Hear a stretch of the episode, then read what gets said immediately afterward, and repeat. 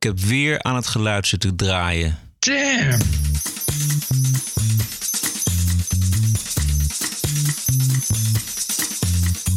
This is the TPO podcast. Ranting and Reason. With Bert Brusson and Roderick Phalo. Acteur Robert De Niro houdt de speech van zijn leven. Een klein stukje alvast. Fuck Trump. En Kim Jong-un en Trump samen aan één tafel. Duitse Cultuurraad wil tv-talkshows aanbanden. En een opzienbarende quote uit 1996. Een bonusquote. Jan Maat mocht kiezen uit drie data voor zijn proces. Hij koos voor vandaag. This is the TPO podcast. Bert, goedenavond. Ja, goedenavond. Ik ben heel blij dat je Robert De Niro eh, gaat laten horen.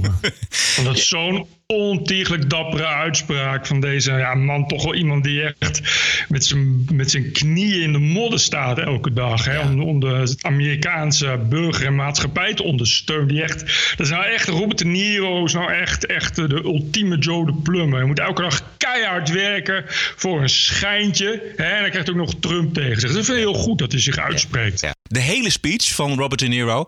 Eerst eventjes, ehm, moeten we het nog over Michael Panhuis hebben? Over de verslaggeving van het proces? Oh, bedoel je waar we ruzie over hadden op Facebook? Ja, nou, ruzie toch niet. Nee, ja, nee, oh, Facebook ruzie. Leg even uit waar het over ging. Nou ja, die Saskia Belleman, die zit er, die doet dat. Die, die doet verslag via Telegraaf. tweets van de Telegraaf. Voor de Telegraaf, die zit daar in die rechtszaak en die twittert dus. Maar sommige dingen twittert ze niet. En dat viel lezers op. En, die, en, en, en kennelijk had ze daar ook, eh, of in elk geval duidelijk gemaakt... dat ze dat bewust niet wilde twitteren. Wat, wat bijvoorbeeld niet? Nou, het waren eh, eh, inhoudelijke details. De- die, ja, dus details over die zaak. Ja. Dat, het was waarschijnlijk iets vrij ranzigs wat Ja. hij wat hij met dat meisje heeft gedaan of zo. En daar werd op gereageerd door Twitteraars. Die zeiden van ja, het is wel, wel raar dat je dat, je dat, dat bij ons weghoudt. Dat, eh, dat is toch niet journalistiek? En toen zei hij, ja, maar ja, ehm, ik kies alleen eh, eh, de relevante tweets. En ik vind dat raar. Ik, vind dat je, ik snap wel dat je. eh, jouw reactie erop was van ja. Ik, omdat zij ook zei van ja, ik, ben, ik ben journalist, geen notulist. Dus ik hoef niet alles één op één door te zetten. En dat, dat, jij zei ook van ja, dat is toch normaal dat je redactie voert. Alleen ja, ik vind eh, dat is normaal. Je hoeft niet, niet het hele proces van A tot Z. Dus je kan. eh, maar ja, dat heeft ook te maken met hoeveel tijd en ruimte je hebt, zeg maar. Maar ja, dat, bedoel, is het dan haar om te bepalen wat dan wel of niet relevant is? Weet je, die, die grens tussen wat relevant is, is heel, is heel dun. Kijk, en dat vind ik het probleem. Als je gaat zeggen, ja, ik, ik, ik ga aan, voor, mijn, voor mijn lezers bepaal ik wat relevant is. En deze details, ja, die zijn, ze, ze noemen het zelf sensationeel. Die zijn, ja, die wil ik niet, want dan, dan laat ik misschien dus beschuldigingen op me, of daar wil ik niet aan meewerken, of hoe je dat ook noemt, dat het, dat het sensationa- sensationalistisch overkomt. Terwijl, ja. Ja, dat moeten die lezers maar bepalen. Als het inhoudelijke feiten zijn, dan moet je die gewoon geven, vind ik. Ja. Nou ja, het, het toontje van de, van de reaguurders eh, richting eh, Belleman vond ik eh, eh, vervelend, moet ik eerlijk zeggen. Want ze zeiden van, eh, ja, je bent gewoon notulist en schrijf op wat je hoort. Nou, dat, dan, dan gaan bij mijzelf, als mensen mij zo benaderen, dan krijg ik ook zoiets van, nou, dat bepaal jij niet. Maar bovendien, ja, ik, ik vind dat eh, journalisten geen notulisten zijn. Kijk, ik hoef niet te weten wat voor genot hij had aan het een en ander. En ik weet ook niet of dat relevant is. Dat is volgens mij de kern van het punt. Het, voor het verhaal en voor het, het beeld van wat je, wat je moet krijgen van deze man. Moet je de relevante feiten wel noemen. Maar daarin mag je volgens mij als journalist best uitmaken van wat wel en wat niet relevant is. Ja, ja kijk, dat, dat moet je sowieso doen. Als je, als je, hè, omdat je dus inderdaad geen notulist bent, dat ben ik met je eens. Maar ik, ik vind het eh, inderdaad, dus, dus het moeilijke eraan vind ik van ja, maar ho- hoezo kun jij voor mij bepalen wat dan relevant is? Dus eh, inderdaad, de, de eh, laten we zeggen, de ranzige gedachtegang van die Michael Panhuis. Ja, ik vind het eigenlijk wel relevant. Ik wil dat wel weten. En dan niet, niet en je, of, dat nou, of dat nou uit sensationele reden is of niet, dat moet verder niet uitmaken. Het, het punt is meer dat ik dan uiteindelijk zelf kan bepalen van, van alles aan, aan wat ik informatie heb gehoord. uh, zeg ik dan van, nou, dat, dit, dit, dit, hier kan ik een beeld mee samenstellen wat voor mij relevant is. Dus dan moet je wel als journalist zo uitgebreid mogelijk zijn. Kijk, want het probleem is natuurlijk dat je uh, ook journalisten hebt die dan zeggen van, ja, als het een Marokkaan is die misdaad pleegt, zet ik dat er niet bij, want ik vind dat niet relevant.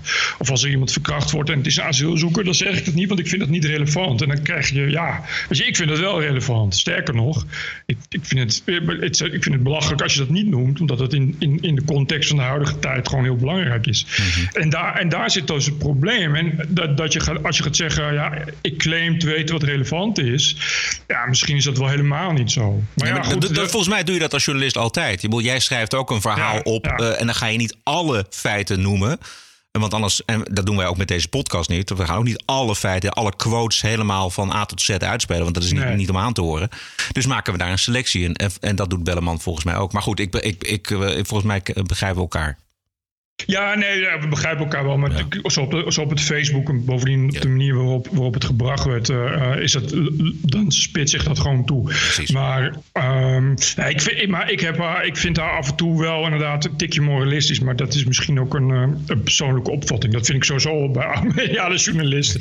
Dus, maar dat komt omdat ze. En, maar daar, dat is, daar heb je wel gelijk in. Die twitteraars zijn natuurlijk best wel kut. En als je daar zit en je ziet natuurlijk niet wat al die lui tegen haar zeggen. Ze krijgen natuurlijk honderden of duizenden tweets elke keer ze zit. En ik weet dat er inderdaad uh, ja, 70% is, is echt uh, in de vorm van uh, moeten ze die panhouse niet doodschieten en dat soort gelul. En dat is inderdaad best wel irritant, want zij leest dat. En ik zou ook niet eens lezen. Ik zou echt alleen maar twitteren. En zij wil natuurlijk toch wel reflexief zijn. Dus nou ja, dan ga je daar. En ik, snap ook wel dat ze daar dan nog op bits op reageren. Daar heb je wel een punt. Is the TPO podcast. Ander nieuws van vandaag is dat, het, uh, dat er geen referendum komt over de donorwet. Uh, nog niet de helft van de 300.000 handtekeningen zijn binnen. Alles is uh, geprobeerd. Het is niet gelukt. Lof voor Bart Nijman van Geen Stijl, ja. die alle tijd en energie erin heeft gestoken. Maar um, het is gewoon niet gelukt. En wat het volgens mij zegt is dat de angst bij de tegenstanders van het referendum... dat er om de haverklap een referendum gehouden zou worden... die moet nu wel weg zijn. Ja, dit mag toch wel, uh, dit mag toch wel duidelijk zijn. Die zullen nu ook wel een klein feestje vieren. Dat denk ik ook. Uh, al was het maar omdat ze toch een beetje nu het gevoel hebben dat ze geen stijl weer een beetje terug hebben kunnen drukken. Ja. ja. het vorige referendum uh, was natuurlijk veel, heel veel media-aandacht. En dit was toch een beetje in de marge. Dit ja. was toch een beetje, ja, alleen op geen stijl en het internet. Dus wat dat betreft hebben ze nog veel handtekeningen. toch nog, en het is natuurlijk wel mooi om te zien, vond ik, dat ze toch ook nu weer een vrij uitgebreide uh, community in het, in het leven hebben weten te activeren. Uh, nou ja, toch nog, toch nog heel veel handtekeningen. Ik denk ook wel dat het te maken heeft met het feit dat mensen gewoon referendum moe zijn. Dus ik ben er ook echt best wel een beetje cynisch in. En denk dat een hoop mensen dat ook wel hebben. Ja. Ik hoop niet dat de Eerste Kamer cynisch is, want die moet nog stemmen over de afschaffing van het referendum als, als middel. En de grote vraag blijft natuurlijk: wordt er nog gereanimeerd of is dit eh, het einde van het referendum. Ik hoop het niet. Ja, wanneer, uh, wanneer gaat de, nou, de, Kamer Er is nog geen datum, maar de verwachting is dat dat voor het zomerreces uh, zal plaatsvinden. Die stemming in de Eerste Kamer over het referendum. GPO Podcast.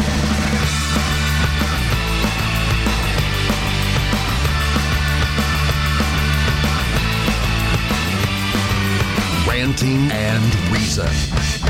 Een fantastisch fantastische speech van acteur Robert De Niro op de uitreiking van de Tony Awards. Weer een of ander celebrity feestje. Ik had nog nooit gehoord van de Tony Awards, maar dat, doet, dat doet helemaal niks af aan deze geweldige speech. Ladies and gentlemen, Robert De Niro.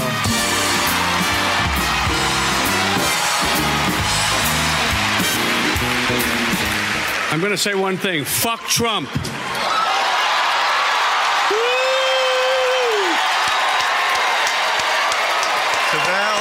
Geweldig, geweldig. Wat een kracht in die speech. Zou dit het zijn? Lekker kort ook. Dat is wel. Uh... Ja, er komt nog meer, Bert. Oh. Hij staat. It's no de... longer down with Trump, it's fuck Trump. Ja! Nou. Wat een geweldige. En, en, en, en wie het gezien heeft. Bert, jij kwam ermee aan met dit prachtige fragment. Een staande ovatie. Ik hoor het, ja. Maar En- goed, volgens mij, in die zaal zit ook alleen maar Hollywood miljonairs. Dus, uh, En blij dat eigen parochie, hè? Ja, precies. Maar blij dat ze ook waren. Hè? Die, zag je de, de blijdschap op die gezichten? Ja, een kinderhand is gauw gevuld, blijkbaar weer. Het is toch eh, dat je alles in je leven hebt. eh, en dat je toch uiteindelijk echt, nou inderdaad, echt, echt tot aan tranen toe geraakt wordt. Doordat eh, een stokoude acteur, die, die inderdaad alles al heeft, alle prijzen heeft gewonnen. Nou, zijn poep durft te roepen in de kerk, laat ik het, laat ik het zo noemen. Dat Ja. is toch heel dapper. Dat je, niet, dat je zegt, niet langer down with Trump. En nu zeg ik fuck Trump. Ja. Ik neem aan, Trump zal daar wel bibberend van wakker liggen. Nou, dat ook. Dat en ik denk, eh, ik denk ook dat Robert De Niro hier bang eh en bimberend van heeft wakker gelegen. Want voor zo'n publiek zoiets zeggen, dat is toch ongelooflijk. Hè? Daar moet je Ja, wel is- ballen voor ja, hebben. Ze zouden hem eigenlijk nog een prijs moeten geven. Ik zou eigenlijk een prijs moeten uitreiken aan de acteur die het beste Trump heeft durven bashen. Want dat is gewoon een prestatie op zich. Robert De Niro moet met de grote M. Ehm, Trump was eh, behoorlijk in het nieuws de afgelopen dagen en nog steeds. Geweldige eh, media meltdown over een foto na afloop van de G7. A picture can speak a thousand words. I think it's a very powerful image. Like you said, we don't know exactly what was happening at that time. But the body language is fascinating. You have President Trump with his arms folded. You have Angela Merkel kind of peering over him um, in a very ominous way. And I think this shows perfectly the tension that was at this meeting. Ja, foto gezien Bert? Ja, ja, ja. Ik, ik, ik, ik zag jou er ook nog eh, over, over Twitter. eh, Want eh, inderdaad, de NOS, die inderdaad bepaalt wat de foto is. Heel, heel grappig. Ik vond het wel, het was echt interessant. Want echt alle media hebben deze foto. En iedereen heeft het ook op zijn eigen manier besproken. Je hoort deze, welke zender was dit? Wat was dit? Fox? Dit is ehm, Fox, ja. Ja, dit, dit is ook echt. Iedereen haalt uit die foto, wat echt een momentopname is, inderdaad een soort, soort propaganda-ding. Terwijl eh, je de, ik, zag eh, in NSC, al, dat stuk stond ook, nog wel bij, bij dat NOS-verhaal. Dus echt, echt voor en na die foto zijn nog 3000 fotomomenten waarop het allemaal heel anders is. En, ja, dat is echt. Ik vond het zo mooi. Het Ja. geeft zo mooi aan hoe eh, die beeldtaal dus, dus zo makkelijk gebruikt kan worden. Om je, hoeft daar- je hoeft alleen maar iets onder te zetten. En, en dan heb je het. Je Ja. kan er alles ook onder zetten. Je kan inderdaad, want in werkelijkheid was het zo dat zowel Merkel als Trump aan het luisteren waren naar Macron. Dus zij luisterden. Maar ja, dus, dus dat beeld was zo krachtig op alle manieren. Maar inderdaad, Ja. het, het- precies wat jij zegt. Het, het, grappige is dat die foto, dus die scène, is eh, van verschillende hoeken gefotografeerd. En iedere regering die koos ook weer de foto die het meest gunstig was voor de eigen regeringsleider. Er is ook heel grappig mee geshopt. Ik weet niet of je die exemplaar gezien hebt, maar eh, eh, Trump was een klein kind met een bord spaghetti op zijn Ja, hoofd. ja, ja, ja. En Dat is heel grappig. Maar over het algemeen kwam Trump er in de media natuurlijk niet zo best af. Behalve dan bij Fox.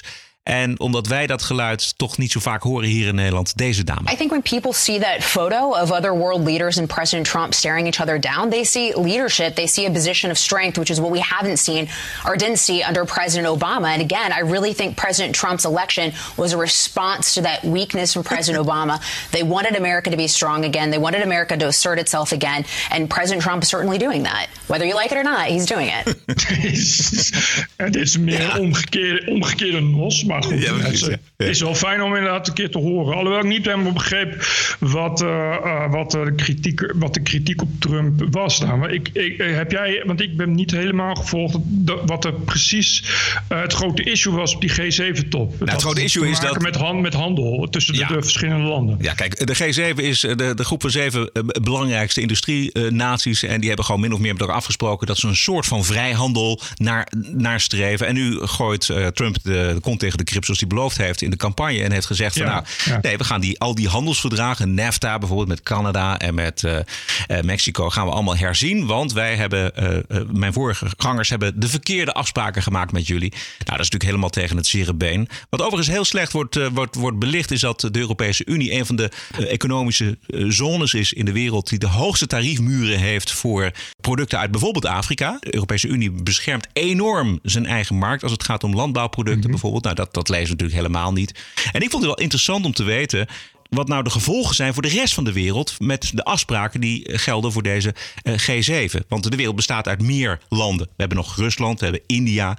Die, die moeten allemaal de gevolgen ondervinden van die afspraken binnen de G7. En nu is juist Trump degene die roet in het eten gooit en zegt van nee, we gaan, eh, we gaan die vrijhandel helemaal niet uh, koet doorvoeren. Trump is inmiddels uh, aangekomen in Singapore. En toch ook een slip of the tongue op Fox bij de aankomst van Trump in Singapore. Luister. This moment, I mean, this is history. We are living, regardless of what happens in that meeting between the two dictators. Meeting between the two dictators. Yeah, now, yeah, yeah, this yeah. is history. Yeah, because he's a disruptive risk taker. He's willing to break what would be the usual bonds of uh, not going to a meeting like this. Oké, okay, niemand heeft het door bij Fox en ze heeft toch haar excuses aangeboden en Fox heeft het fragment eh, van de website gehaald. Oh ja? Uh, ja, dat kan Oei, Ja, niet. ik vind wel, ik, moet wel eerlijk zeggen, als CNN het had gedaan, dan hadden we allemaal inderdaad geroepen biased en nepnieuws. Uh, en nou, als het bij Fox is, dan gaat het inderdaad eigenlijk een beetje langs je heen. Dat je denkt, dat, dat heb ik. Ik hoor dit en je zegt dat Fox is, denk ik van, ja, dat heeft ze heus niet zo bedoeld. Terwijl, als het bij CNN was, zou je denken van, waarom, waarom zegt ze dat eigenlijk? Dan denk je toch van, ja, is op zijn minst Freudiaans. Dat is toch wel, weet je, het is toch een beetje, een beetje het medium wat daar in dat geval de boodschap maakt. Maar heeft ze inderdaad echt excuses voor aangeboden en zo? Ja, zeker, ja. ja, ja. Je, je kan je afvragen hoeveel het is opgevallen. Want het is inderdaad wel heel diep. Nou, reken maar. Reken maar dat, al, al, is het maar één twitteraar die dat, die dat uh, dat waar. gezien heeft. En dan gaan ze terugkijken. En dan kan, uh, nee. we, we, lopen een beetje achter de feiten aan, uh, Bert. Want het is vanavond uh, maandagavond, morgen dinsdag. Als de podcast uitkomt, dan zou het wel eens zo kunnen zijn dat de twee dictators elkaar al gesproken hebben. Het zal niet in één keer een geweldige deal opleveren, heeft Trump gewaarschuwd. Maar het voorgesprek ging goed, al dus minister Mike Pompeo. The talks continue this afternoon, even as we sit here now. Uh, they're in fact moving quite rapidly, and we anticipate they will come to their logical conclusion even more quickly than we had anticipated. Uh, het was niet voor niets een aardsvijand. Niet alleen ja. omdat het een gek is die met, met kernwapens dreigt om niets. Maar dus ook iemand die, die zijn macht baseert op, op, ja, op iets wat, wat haak staat op echt alle, uh, alle, alle opvattingen die we, die we daarover hebben. Die haak staan op alles wat te maken heeft met vrijheid. En ik kan me voorstellen dat je daar als, uh, nou, als, als, als een van de weinigen overgelopen of ontsnapt of als familielid of als slachtoffer daarvan daar met wel heel gemengde gevoelens naar kijkt. En zeker in, uh, in Zuid-Korea lijkt me dat het geval. Waar ze ook natuurlijk een, een, een president hebben die, uh, die toch wel erg lyrisch uh, bijna zeg maar Kim bereid is om de hals te vallen. Terwijl je waarschijnlijk daar in Zuid-Korea ook denkt van ho ho. We hebben het nog steeds over een land wat de afgelopen 50 jaar nou ja, ons op de nek heeft gezeten. Waar we inderdaad altijd bang voor hebben moeten zijn. We sluiten misschien wel allemaal akkoorden met hem. Ja, ondertussen die, die gulags bestaan nog gewoon. Ja. We gaan naar Europa. Woede en verdriet in Duitsland over de verkrachting en moord op een meisje door een Irakese asielzoeker. Het meisje was uh, Joods en dat maakt dit drama nog gevoeliger in Duitsland dan het al is. Uh, de Iraakse jongen is na zijn daad met zijn familie teruggevlucht naar Irak. Maar is daar weer gearresteerd en nu zit hij in een Duitse gevangenis. De Volkskrant die stapte uh, eventjes over het leed heen door te melden dat dit toch het drama vooral koren op de molen van de AFD is. Uh, Merkel die zag in de gebeurtenis vooral het bewijs hoe belangrijk integratie is. Waarmee zij de suggestie doet dat uh, met een beetje beter integreren dit voorkomen had kunnen worden. En de Duitse Cultuurraad uh, is al helemaal klaar met alle negatieve berichten over de islam en asielzoekers.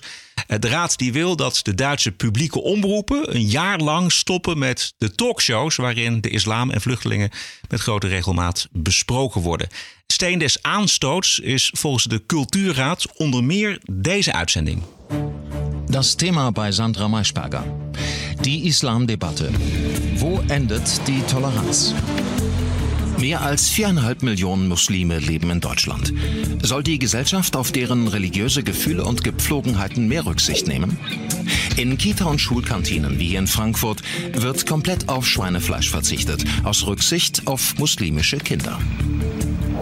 In manchen Orten erklingt der Muezzin-Ruf per Lautsprecher mehrfach am Tag, zum Beispiel in Düren. Das traditionelle St. Martinsfest wurde unter anderem in einer Düsseldorfer Kita in Lichterfest umbenannt, damit sich auch muslimische Familien angesprochen fühlen. Ist das eine angemessene oder übertriebene Rücksichtnahme? Ja, dit is een fragment uit uh, de talkshow van Sandra Maisberger. Je hebt er een aantal in Duitsland. Dit ging over varkensvlees uh, van het ja. schoolmenu uh, halen, gebedsoproepen aanhoren en christelijke feestdagen omdopen in lichtfeesten. Zaken die ook gewoon hier in Nederland spelen. Heb jij wel zo'n Duitse talkshow gezien, Bert? Het is allemaal heel keurig en degelijk. Het zijn uh, hele keurige en degelijke uh, ja, mensen zeer. die keurige en degelijke uh, onderlegde dingen zeggen. Je, die, als je naar kijkt, zou je bijna mensen dat ze bij de NPO dat soort talkshows nou, hadden. Het is, echt, het is ook heel ver weg van, van wat wij kennen van, van, van de paus en de DWDD's. Want het hoeft helemaal niet snel, kennelijk in Duitsland. Nee, en, en, even, even, even, een, schets ja. maken? Want het zijn, het zijn talkshows die duren een uur. En het is ja. uur lang over één onderwerp. En er zitten dan vier mensen die er echt toe doen, die er veel van ja. weten. En daar zitten ook mensen bij van de AFD, die komen ook aan het woord. Ja. En daarmee hebben die talkshows, volgens die cultuurraad, hebben ze de AFD salonvee gemaakt. Hè, om ja, even een mooi Duits, Duits woord te gebruiken. Maar je kan daar toch aan de hand van de talkshows, het is, is het echt waanzinnig om aan de, aan de hand van dat soort talkshows te besluiten dat het allemaal verschrikkelijk is en dat het van de buis moet. Ja. Je, je, je, zou denken, juist dit soort talkshows is, is wat je wil hebben op de publieke omroepen. Zo iemand moet je inderdaad een jaar naar Nederland, naar de NPO op stage sturen. Moet jij eens kijken hoe leuk hij het ineens in Duitsland vindt vindt. Want het, is echt ja, Duitse degelijkheid zoals Duitse ja, degelijkheid absoluut. kan zijn. Ja, ja. Die hebben ze, daar. ze hebben daar ook altijd al, al jaren uh, ook, ook zo'n filosofisch programma. Weet je, waar dan inderdaad Peter Sloterdijk en dat soort mensen gewoon uh, ja. drie uur lang met elkaar over Hegel gaan babbelen. Weet je. Dus ik denk van ja, maar dat is nou waar de publieke omroep voor bedoeld is. Maar dat zo'n cultuurkamer dan echt ook inderdaad letterlijk zegt van ja, nee, de, dankzij dit soort dingen is de AFD aan de macht gekomen. Is echt krankzinnig. Het is, het is een hele simpele gedachte dat je inderdaad met, uh, met, met dit soort belangrijke onderwerpen onder het tapijt vegen, dat je daarmee de AFD uh, uit de Bondsdag zou houden. Nee, maar het is, er kijken dus ook heel erg mensen aan die talkshows. Weet je, als je dat nou zegt bij Beeld of bij RTL, weet je, waar miljoenen mensen naar kijken, dan, dan, dan zou je nog. Het is echt het laatste waar de AFD winst aan heeft, zijn dit soort talkshows. Het zegt ook echt iets. Nou ja, het is dus, dit is nou de typische elite waar wij ons in Nederland ook tegen verzetten. Waar ze zich in Duitsland ook tegen ze. Dit soort mannetjes. Ik neem aan dat hij uh, royaal, royaal verdient per jaar om dit soort adviezen te geven. Terwijl hij zelf dus inderdaad niets anders doet dan dit soort programma's kijken. En aan de hand daarvan vindt uh, uh, dat, dat de AFD in het parlement is gekomen. Wat natuurlijk, ja, de, die komt in het parlement door de problemen. Dit zit niet ja. door de boodschappers over de problemen. Nee, maar dat, dat, maar goed, dat de, weten wij, Bert. In ons land zijn er uh, geen talkshows die het niveau halen eigenlijk van die Duitse praatprogramma's. Uh, wij uh, nemen daar gewoon de tijd niet voor om een uur lang met vier gasten over één onderwerp te praten. In Buitenhof, een programma wat er dan een beetje, een klein beetje op lijkt. Een aanvaring afgelopen zondag tussen Joost Eertmans van Leefbaar Rotterdam en presentator Paul Witteman. Waarin ben ik nou zo scherp geweest dat u zegt, nou Eertmans, dat had jij niet moeten zeggen? Nou, wat bijvoorbeeld naar voren kwam, het is lang geleden, geef ik toe. Maar de wijze waarop Abu Talib ooit doorleefbaar ja, ontvangen... Dat, dat namelijk is... met een grote envelop waarin is zijn paspoort... Dat is volgens mij acht jaar geleden. Ja, maar dat blijft U heeft het over mij, u begon zelfs over mij blijft, in persoon. Meneer Eerdmans is blijkbaar uit de bocht gevlogen. Ik vraag u waar en wanneer. Nou, in de campagne eigenlijk voortdurend. Ja, ik heb er zelf bij gezeten. Nou, zeg nee, geef mij nou eens één voorbeeld. Want ik vraag dit namelijk ook aan linkse partijen. Wat is het probleem van Eerdmans of Leefbaar? U kan het zelf niet eens noemen. Nou, ik kan geen scherpe voorbeeld noemen. Van, die heb ik ook nog niet opgezocht. Maar ja, uh, alle mensen die wij gesproken hebben bij de voorbereiding van dit programma zeggen... Joost Eertmans en Leefbaar zijn gewoon te scherp geweest, waardoor die mensen zich het is het, na, het, is het nakwaken van, nee, het is het nakwaken van linkse, linkse partijen die goed gekoet, hoeveel zetels wij ook hadden gehaald, niet met, met leefbaar willen, willen werken. Dat is het verdriet. Ja, als ik daar ook een punt over mag maken. Ja, dit is Stefan van Baarle van Denk Den Haag. Wat ik merk bij gevestigde politieke partijen... die al decennia lang samen de lakens uitdelen... en kosten wat kost uh, elkaar de hand boven het hoofd willen houden... en met elkaar willen regeren. Ik merk dat daar een soort monopolisering van pijn plaatsvindt. Uh, ik kan ook een, een, een, heel lang betoog houden over bijvoorbeeld Lodewijk Asscher... die uh, Turks-Nederlandse en Marokkaans-Nederlandse jongeren heeft geschoffeerd... door het naar buiten brengen van het Motivation-onderzoek. Mm -hmm. is, is bij ons een heel belangrijk pijtpunt. ik ben bereid in het belang van Rotterdam en het belang van onze stad om over die schaduw heen te stappen. En bij gevestigde politieke partijen merk ik wel een beetje de monopolisering van pijn, uh, het erbij halen van gelegenheidsargumenten om maar nieuwe geluiden uh, buiten te sluiten. Dat zien we ook bij 50PLUS, zien we ook bij Partij voor de Dieren. Het is een fundamenteel democratisch probleem dat nieuwe geluiden door de gevestigde politiek niet betrokken raken. Ja, Stefan van Baarle dus van uh, Denk Rotterdam. Bert Eertmans heeft een punt en dit is wel lastig voor Witteman. Dit wil je niet als interviewer. Nee, maar sterker nog, dit is een eh, heel belangrijk fragment. Ik vond het echt een. Uh, uh, dit gaat uh, in de geschiedenis ook nog wel vaker opduiken, dit fragment. Want? Het, het, omdat Eerdmans zo erg gelijk heeft. En denk, die, die denkgas legt het al uit. Het is echt een probleem die, die voort, zich voordoet binnen onze democratie. En hij, het probleem is, en dat wist ik van Joost Eerdmans. Of dat is geen probleem, maar voor, voor iemand als Paul Witteman. Is dat die Joost Eerdmans inderdaad. Dat is echt de ultieme keurige persoon. Dat is, dat is nou iemand die uh, uh, zijn bonnetjes tot op de laatste cent nauwkeurig inlevert. En dat is iemand die, uh, ja, die zal zich nooit te buiten gaan aan hele rare tweets of aan hele rare uitspraken. Dat is, die Eerdmans is echt wat dat betreft een heel goed politicus. Ja. en en ik, ken, ik volg hem al heel lang. En dat valt me altijd bij hem op. En dat is ook iemand die, waar je, uh, hij heeft natuurlijk wel uh, sympathie en affiniteit met geen stijl en de post online en zo.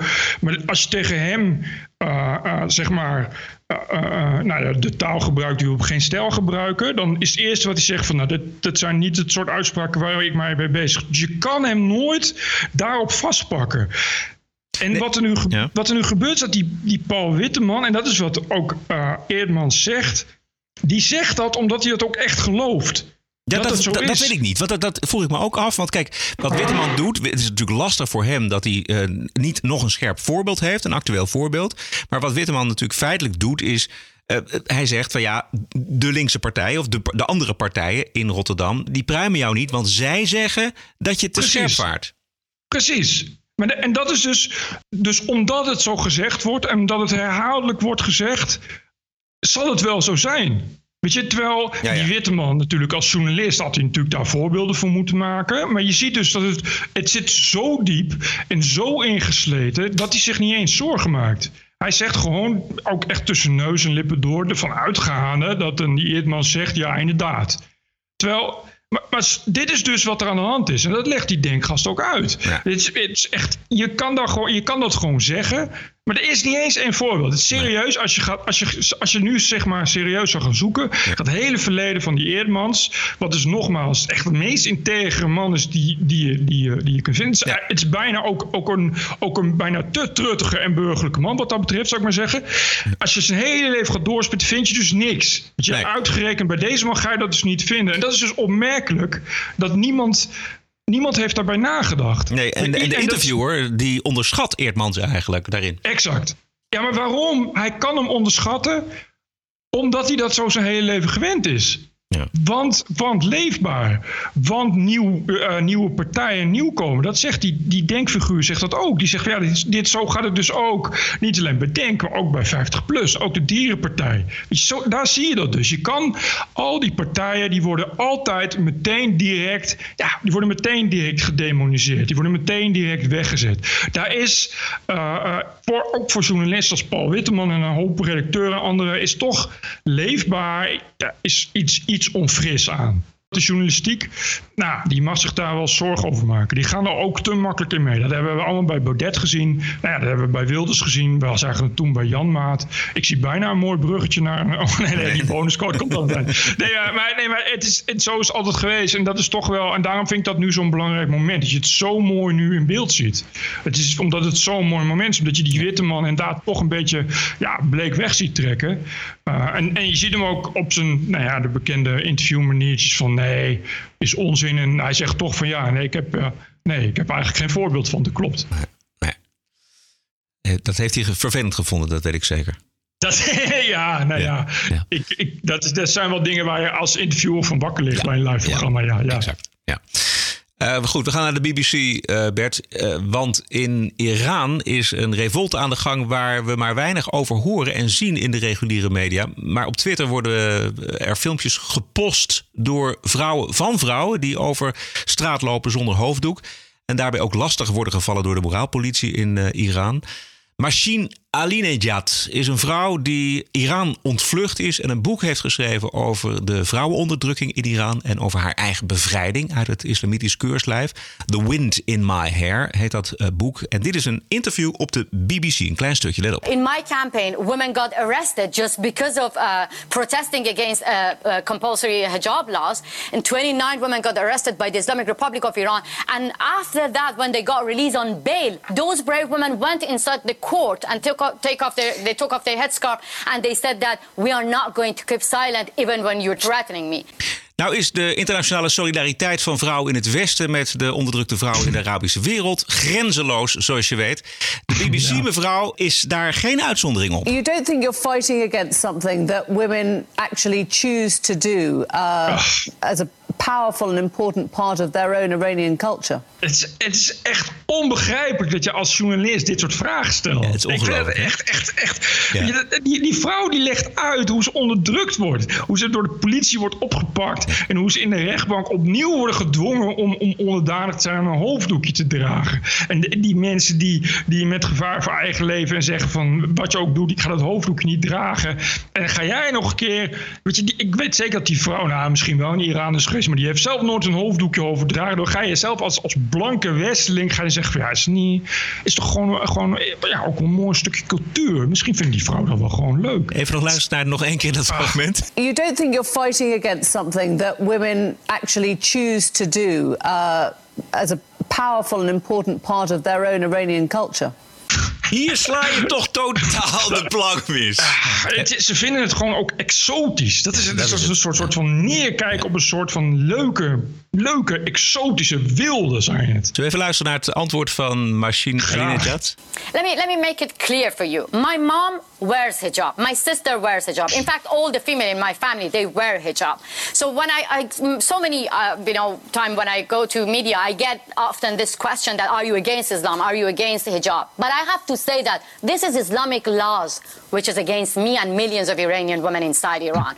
Sharia laws actually. You know, I as a woman, uh, according to Islamic law, I am not uh, allowed to sing solo. I'm not allowed to show my hair. I'm not allowed to dance. I'm not allowed to be a judge. I'm not allowed to get a custody of my child. I'm not allowed to get permission without getting permission from my father or my husband to travel abroad. Juist. Goed, hè? Kijk, die, die, dat is, zij, zij zegt die hoofddoek is symbool voor een oneindige rij van onderdrukking. Die, ehm, die, alleen omdat ik vrouw ben. Terwijl die, die BBC-trut die eh, ziet die hoofddoek als, als losstaand iets. Als iets moois van een cultuur. Je, wat echt... Wat echt Ja, eigenlijk zegt die schrijfster van mens, je begrijpt er echt helemaal geen zak van. Wat ik zo terug vind, is dat dit soort geluiden, die, die zijn, nu- moeten toch inmiddels wel bekend zijn hier in het Westen. We hebben natuurlijk ook die ehm, de redacteur van eh, Charlie Hebdo gehad in de Bali. Het wilde maar niet in bij de, progressieve elite. Hoe kan dat nou toch? Je hoort gewoon die cognitieve dissonantie, hoor je gewoon. Dit is echt een angst die ze echt totaal lam slaat. Echt de angst voor, voor het idee dat het niet iets is als een culturele uiting. Dat die mensen er niet zomaar voor kiezen. Dat betekent namelijk dat het dus een, een onderdrukking is. Dat het dus een, een systeem is waar onderdrukking in voorkomt.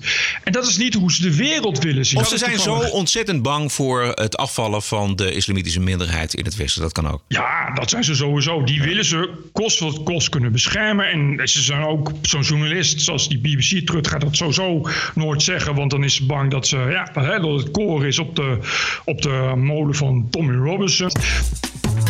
TPO Podcast.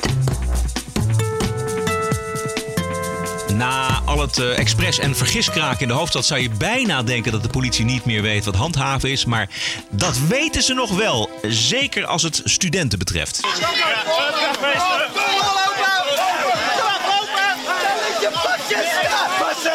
Han van Dissel, die heeft eh, orders gegeven tot een gewelddadige ontruiming. Eh, dus we zijn eigenlijk met z'n allen met wat tentjes gaan zitten en we hebben wat muziek gemaakt en met z'n allen discussies gehad over de rol van de universiteit. En nadat dat een paar uur bezig was, is de decaan opkomen dagen en die heeft ons gevorderd om weg te gaan. Nadat wij hadden duidelijk gemaakt dat wij best weg wilden gaan, maar morgen. En toen is de politie erbij gehaald en die heeft ons toen extreem hardhandig weggehaald. Ja, de politie had eh, er iets in te halen. En de decaan waarschijnlijk ook. Ehm, ik, ben, ik ben zelf niet zo heel erg voor mappende agenten. Maar hier werd flink gemapt. Nou, ik, ik ben uh, ook, niet zo, ook niet zo voor mij. En, en ik begrijp, kijk, het eh, punt is die de Kamer is natuurlijk bang dat ze weer vastgoed gaan bezetten en dat soort dingen. Maar ik vind het wel een beetje raar gegaan. Ja, maar nee, ik, ik bedoel zeggen dat het echt, kom maar, het was mooi weer en het waren gewoon wat studenten die inderdaad hun tentje hadden opgezet op een grasveld. Je, hoe erg kan het zijn? Ik snap wel dat je, ik snap, dat zeg ik snap heus wel dat je als decaan denkt van ja, ik wil toch een oog in het cel houden. En dat je, dat je, op, en dat je zegt van ja, ik wil je niet op mijn terrein en zo. Ik vind het heel raar dat je uh, als, als, ja, als ordehandhaver dat het je niet lukt om, uh, om kraken tegen te gaan op een agressieve wijze waar mensen nog in hun eigen huis staan te douchen. En nu zijn het keurige blanke studentjes waar een kind nog van kan zien dat het nou echt niet de mensen zijn die meteen met vuurwerkbommen gaan gooien. Dat je die uh, met harde hand, weet je, ja. Nee, het, het, het, het was, het, het, contrast is veel en veel te groot met wat zich exact. de afgelopen weken heeft afgespeeld in hier in Amsterdam. Sowieso, ik snap niet, uh, waar kwam die politie vandaan? Moest ja, ze die niet, was, naar een, moest ja. niet naar een iftar of zo? Weet ik ook niet. De hoofdstedelijke AT5 uh, volgt nog even door. Wat is het jullie allemaal om te doen? Is ons te doen om uh, minder bezuinigingen. De bezuinigingen moeten allemaal van tafel en er moeten investeringen komen in hoger onderwijs. Al decennia wordt er bezuinigd op hoger onderwijs. Het geld per student neemt af. En bij ons, bij de geesteswetenschappen en ook bij de sociale en uh, gedragswetenschappen aan de UvA, wordt keihard bezuinigd. Dat betekent dat docenten worden ontslagen. Dat betekent dat studies verdwijnen. Dat betekent dat keuzeruimte verdwijnt. Dit kan Nederland niet aan. Ja, dat is nou jammer. Hè? Geesteswet nou ja, je hebt geesteswetenschappen, dan zijn we het over sociologie en filosofie en, en dat soort. Ah, ja. Dat zijn Ja, ja, ja. studies waar nou de maatschappij nou niet heel erg superveel aan heeft. Nee, ik maar dat... ja, bezuinigen op, op deze studies, dat vind ik nou niet heel raar. Ranting and Reason. TPO Podcast. Uh, laten we eventjes uh, kijken tot slot naar de bonusquote. Uh, niet kijken, maar luisteren naar de bonusquote. En die komt uit het archief, Bert. we gaan terug naar 1996. Hans Jan Maat van de Centrum Democraten staat uh, terecht en zal uiteindelijk veroordeeld worden wegens uh, kritiek op de multiculturele samenleving. Uh, op de eerste dag van het proces kondigt actualiteitenrubriek Nova het onderwerp zo aan. Eigen volk eerst. Mag je dat in Nederland zomaar zeggen? Hoofddoekenvrouwtje, is dat discriminatie? Die asielzoekers met hun ziektes en kakkelakken, is dat dan beledigend? En vooral, is het strafbaar? Dat mag de Haagse rechter de komende 14 dagen allemaal beslissen. Want vandaag stond voor hem in de beklaagde bank Hans Janmaat. Na eerdere mislukkingen kreeg de officier van justitie zijn zaak wegens discriminatie en aanzetten tot haat. Jan Maat mocht kiezen uit drie data voor zijn proces. Hij koos voor vandaag, de geboortedag van Hitler. Ja, en nu is de vraag of Hans Janmaat deze dag echt bewust heeft gekozen met het oog op de geboortedag van Adolf Hitler. Uh, ja. We kunnen het hem zelf niet meer vragen, maar wij hebben een studiegenoot en een Jan Maat kenner, Meindert Venema, gevraagd. En deze Meindert Venema uh, die schrijft: uh, Het is mij niet bekend dat Hans Jan Maat deze datum bij wijze van provocatie heeft gekozen. Hij had niks met Hitler en was ook historisch niet geweldig onderlegd. Ik denk dat het Nova was die dat bedacht heeft. En dat vermoed ik eigenlijk zelf ook. Jan Maat mocht ja. kiezen uit drie data voor zijn proces. Hij koos voor vandaag, de geboortedag van Hitler. Ja, Bert, en als het verband is gelegd door Nova, dan is het dit wel een schandalige frame die niet thuis hoort in een Ja, journalistiek ik- ik- programma. Ik kon het gewoon eerst niet geloven. Ik zei ook in eerste instantie tegen jou van... Nee, dat, dat moet Janmaat zijn geweest. Het is gewoon echt als provocatie. Die mocht uit drie data kiezen. Maar inderdaad, nou ja, als Venema het zegt... die heeft voor gestudeerd, zou ik maar zeggen. Ik bedoel, eh, ja, dat is echt... dat je hier opkomt als journalist. is dat vrij. En dat je dat ook ziet, hè. Dat je dan bij die datum denkt... hé, hey, dus eh, de geboortedag van Adolf Hitler. Dat zegt nog meer over eh, het gehalte van die journalistiek... dan over die hele Janmaat, zou ik maar zeggen. Nou, het is Dit, uit welk, welk jaar is dit? 1996. Oh ja. Nou ja, het, het, is wel de, zijn de hoogtijdagen natuurlijk van hoe die ook in het, in het rechtsextremistische, racistische hoekje werd eh, gezet. Ja. En eh, ik geloof dat hij inmiddels, in die tijd was hij ook al zo paranoia geworden van alle media eh, die achter hem aan zat, dat hij ehm, ook hele rare uitspraken gedaan heeft. Maar eh, eh, een link leggen met Adolf Hitler, eh, dat is, nou, ja, pff, het is idioot, idiote Godwin dit. Ja. Het is een hele bizarre Godwin, inderdaad. Dat je dat, dan, dat je dat dan erbij zoekt, is uh, ja, verontrustend, verontrustend eigenlijk wel. Goed, dit was aflevering nummer 71. Wilt u reageren, dan kunt u mailen naar info.tpo.nl. Wij zijn uh, dinsdag 19 juni terug met een nieuwe aflevering. Is dit een geluid dat u waardeert? Eh, dan kunt u die waardering laten blijken. Dus via een donatie. Ga naar tpo.nl slash podcast. En daar vindt u hoe. Het kan ook via Patreon. Maar dat vindt u ook, die weg vindt u ook via de website tpo.nl slash podcasts. Heb een mooie week. En tot de volgende. Yes. Tot de volgende. TPO Podcast. Bert Bruson, Roderick Balo. Ranting and Reason.